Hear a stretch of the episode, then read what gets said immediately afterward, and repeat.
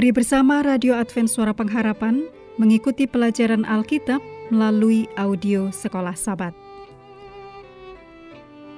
Selanjutnya kita masuk untuk pelajaran hari Jumat tanggal 5 Januari. Ini merupakan bagian pendalaman.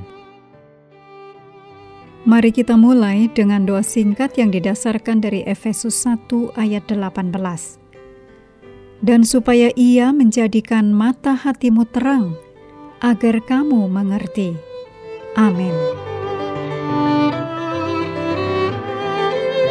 Bacalah Ellen G. White dalam judul Bait Suci dan Penahbisannya, halaman 35 sampai 50 dalam buku Para Nabi dan Raja. Kemudian bacaan-bacaan dan musik halaman 252 dalam buku Amanat kepada Orang Muda. Kitab Mazmur terdiri dari 150 Mazmur yang dikelompokkan menjadi lima kitab. Kitab pertama, Mazmur pasal 1 sampai pasal 41. Kitab kedua, Mazmur pasal 42 sampai 72. Kitab ketiga, Mazmur pasal 73 sampai 89. Kitab keempat, Mazmur pasal 90 sampai 106. Dan kitab kelima, Mazmur pasal 107 sampai 150.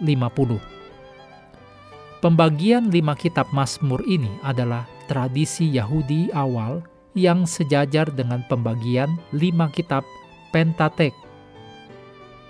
Kitab Mazmur memberikan bukti beberapa koleksi Mazmur yang sudah ada.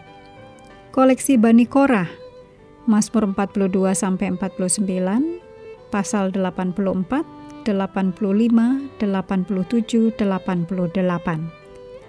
Koleksi Asaf, Mazmur 73 sampai 83.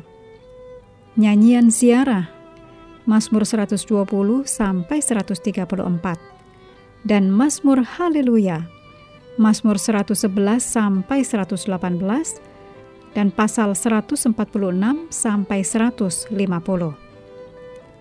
Mazmur 72 ayat 20 menjadi saksi kumpulan Mazmur Daud yang lebih kecil.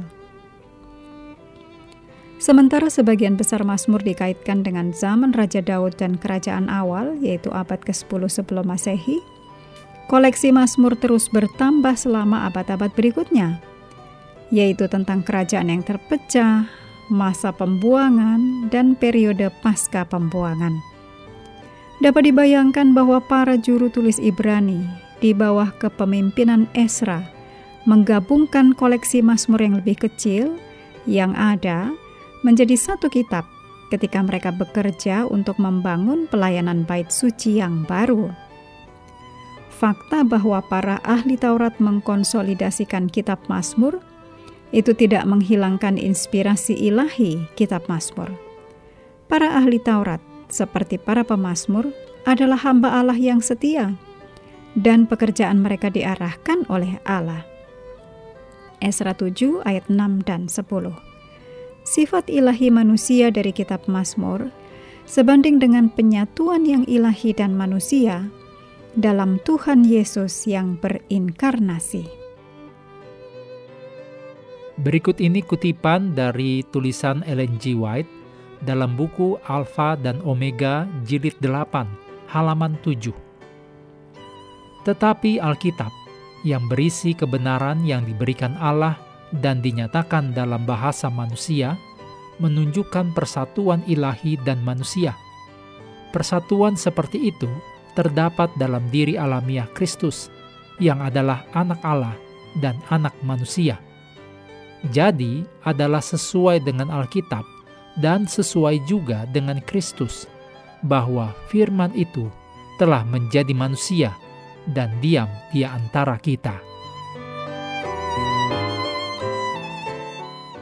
Berikut ini hal-hal untuk diskusi. Yang pertama, Apakah artinya Mazmur adalah doa dan himne ilahi manusia? Bagaimanakah gagasan ini, sekalipun sulit untuk dipahami sepenuhnya, membantu kita melihat kedekatan yang diinginkan Allah dengan umatnya. Diskusikan bagaimana Mazmur mengungkapkan dengan caranya sendiri seberapa dekat Tuhan itu dengan umat manusia dan dengan kita masing-masing. Yang kedua, diskusikan saat Anda menemukan sesuatu dalam kitab Mazmur yang berbicara langsung dengan situasi diri Anda sendiri bagikan penghiburan dan pengharapan yang Anda temukan.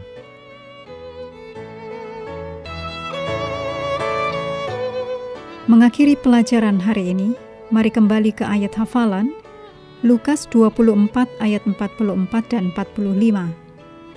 Ia berkata kepada mereka, Inilah perkataanku yang telah kukatakan kepadamu ketika aku masih bersama-sama dengan kamu yakni bahwa harus digenapi semua yang ada tertulis tentang aku dalam kitab Taurat Musa dan kitab nabi-nabi dan kitab Mazmur. Lalu ia membuka pikiran mereka sehingga mereka mengerti kitab suci. Kami terus mendorong Anda bersekutu dengan Tuhan setiap hari bersama dengan seluruh anggota keluarga, baik melalui renungan harian, pelajaran sekolah sahabat, dan bacaan Alkitab sedunia percayalah kepada nabi-nabinya, yang untuk hari ini melanjutkan dari Yesaya pasal 43. Tuhan memberkati kita semua.